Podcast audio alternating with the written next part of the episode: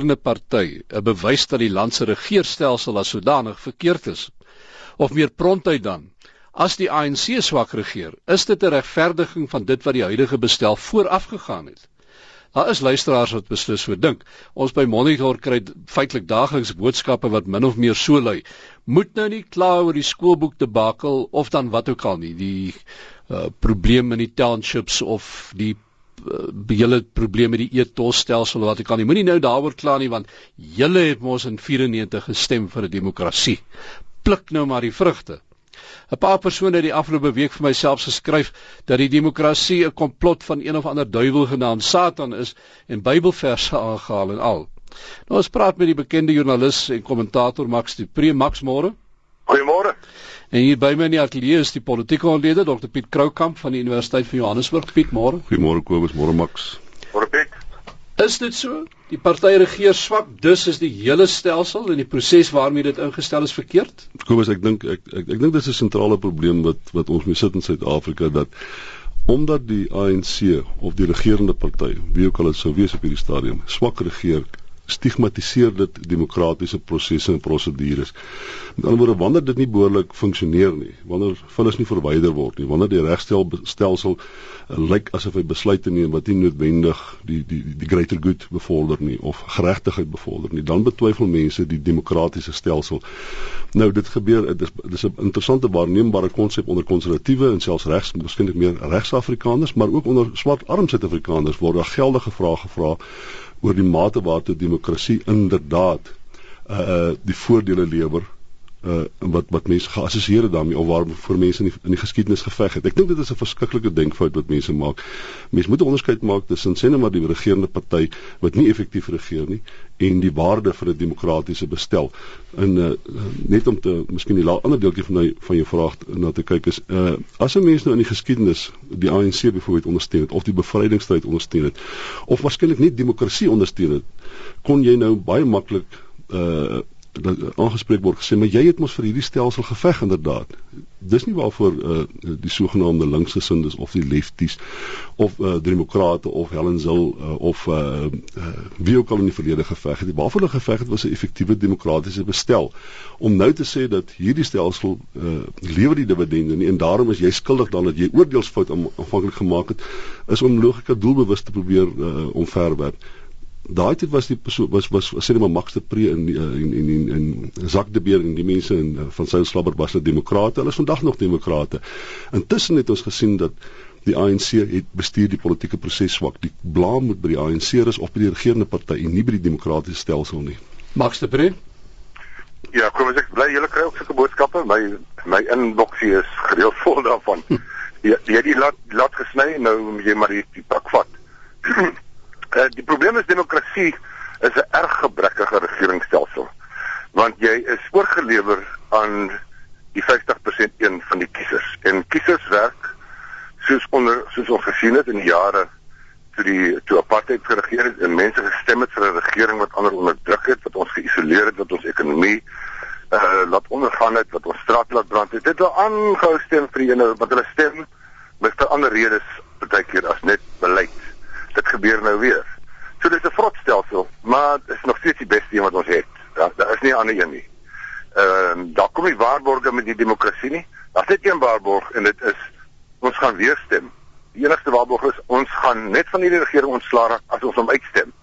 En dit is 'n pilaar in 'n en 'n waardevolle ding waaraan ons moet kleef.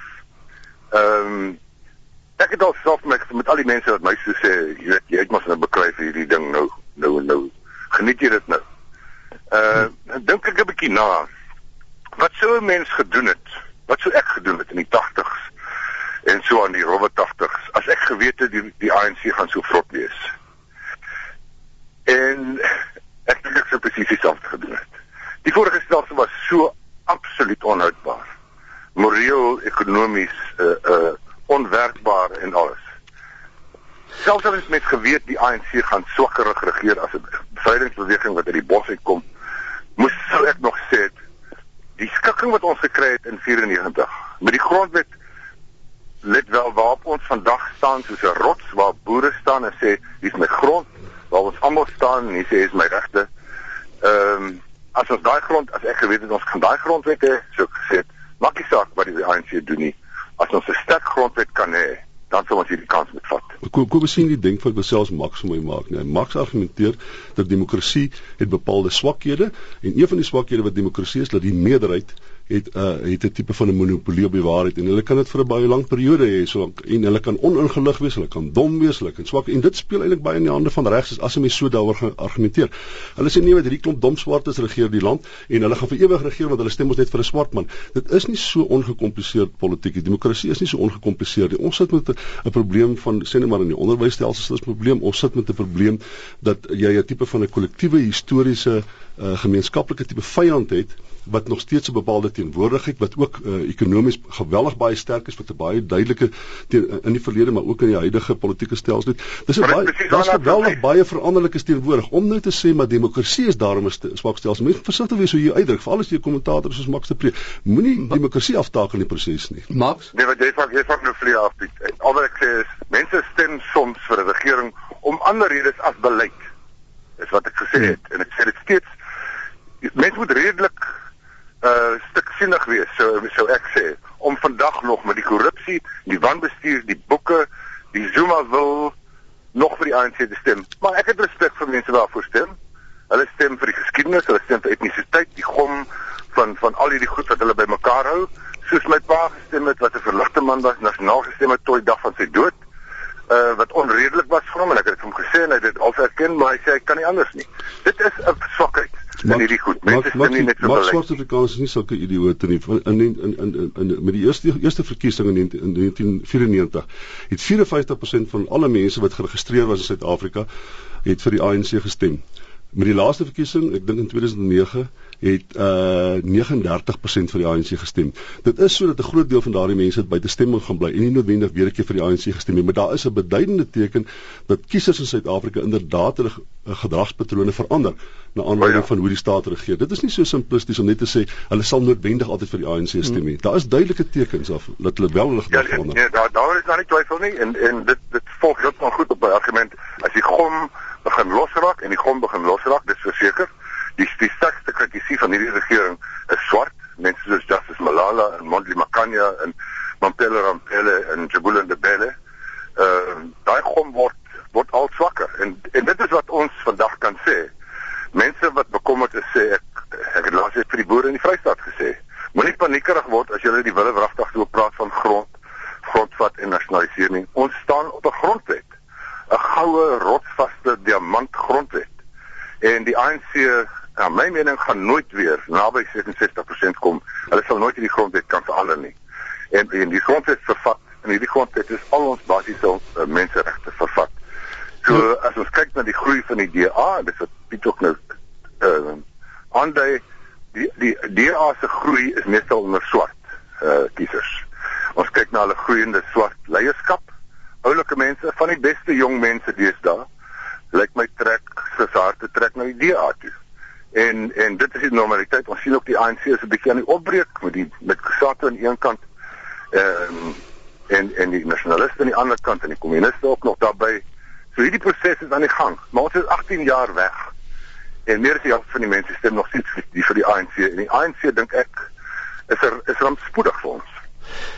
Dan sare Dr Landman wat vir ons nou SMS gestuur het. Ek ek dink ek weet wie dit is, maar ek gaan nou nie my my nek uitsteek nie want hy het nou nie 'n naam bygesit nie, maar hy sê Nonsens. Liberale demokrasie kan net in 'n beskawingsbondige gemeenskap van gelyksindes of gelykgesindes werk. Afrika kan net deur verligte diktature regeer word.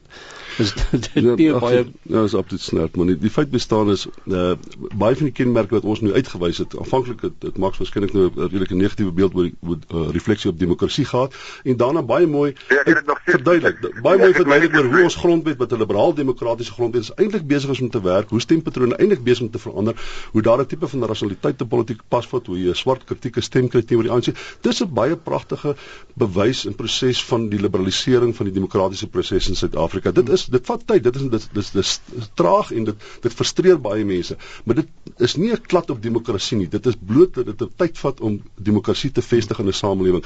Die liberale demokratiese konsep in Suid-Afrika kan werk. Daar's geen teken dat wat swart Suid-Afrikaners 'n tipe van 'n genetiese aversie het. Jy moet waar te sê, wit is dit waarskynlik 'n historiese aversie in liberale demokrasie. Baie meer so swart Suid-Afrikaners. Ons moet ophou om demokrasie as 'n beginsel af te takel, want dit is ons grondwet is is is die, is die meester narratief van ons demokrasie.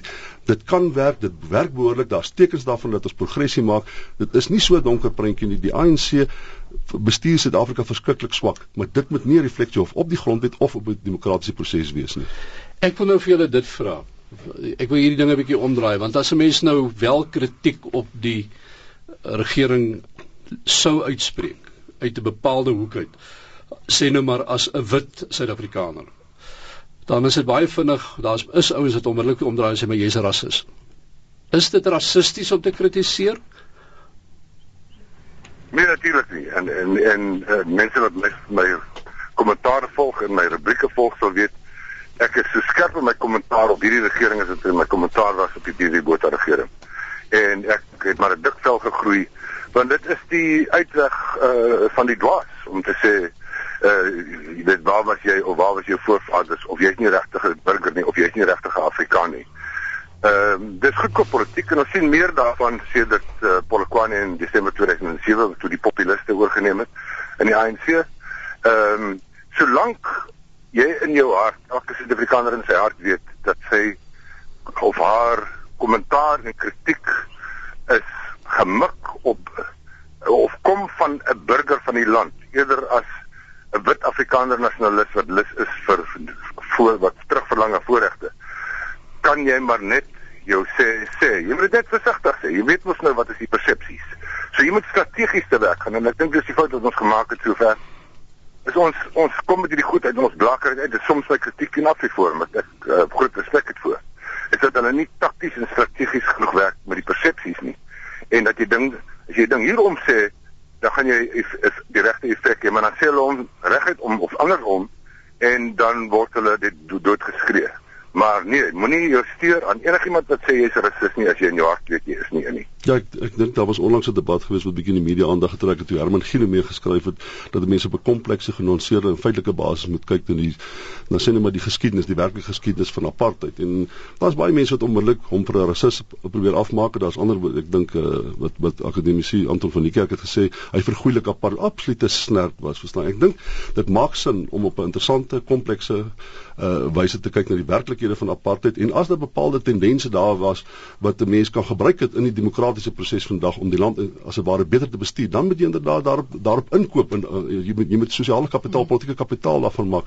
Maar daar het 'n debat ontstaan wat nou wat wat wat nou maak asof Herman Giele mee 'n rasis in die proses is en probeer apartheid goedkoop. Daar's geen tekens daarvan nie, maar dit is toevallig was maar so onder die wit mense wat hierdie debat, wit akademici wat wat hierdie debat geheers het.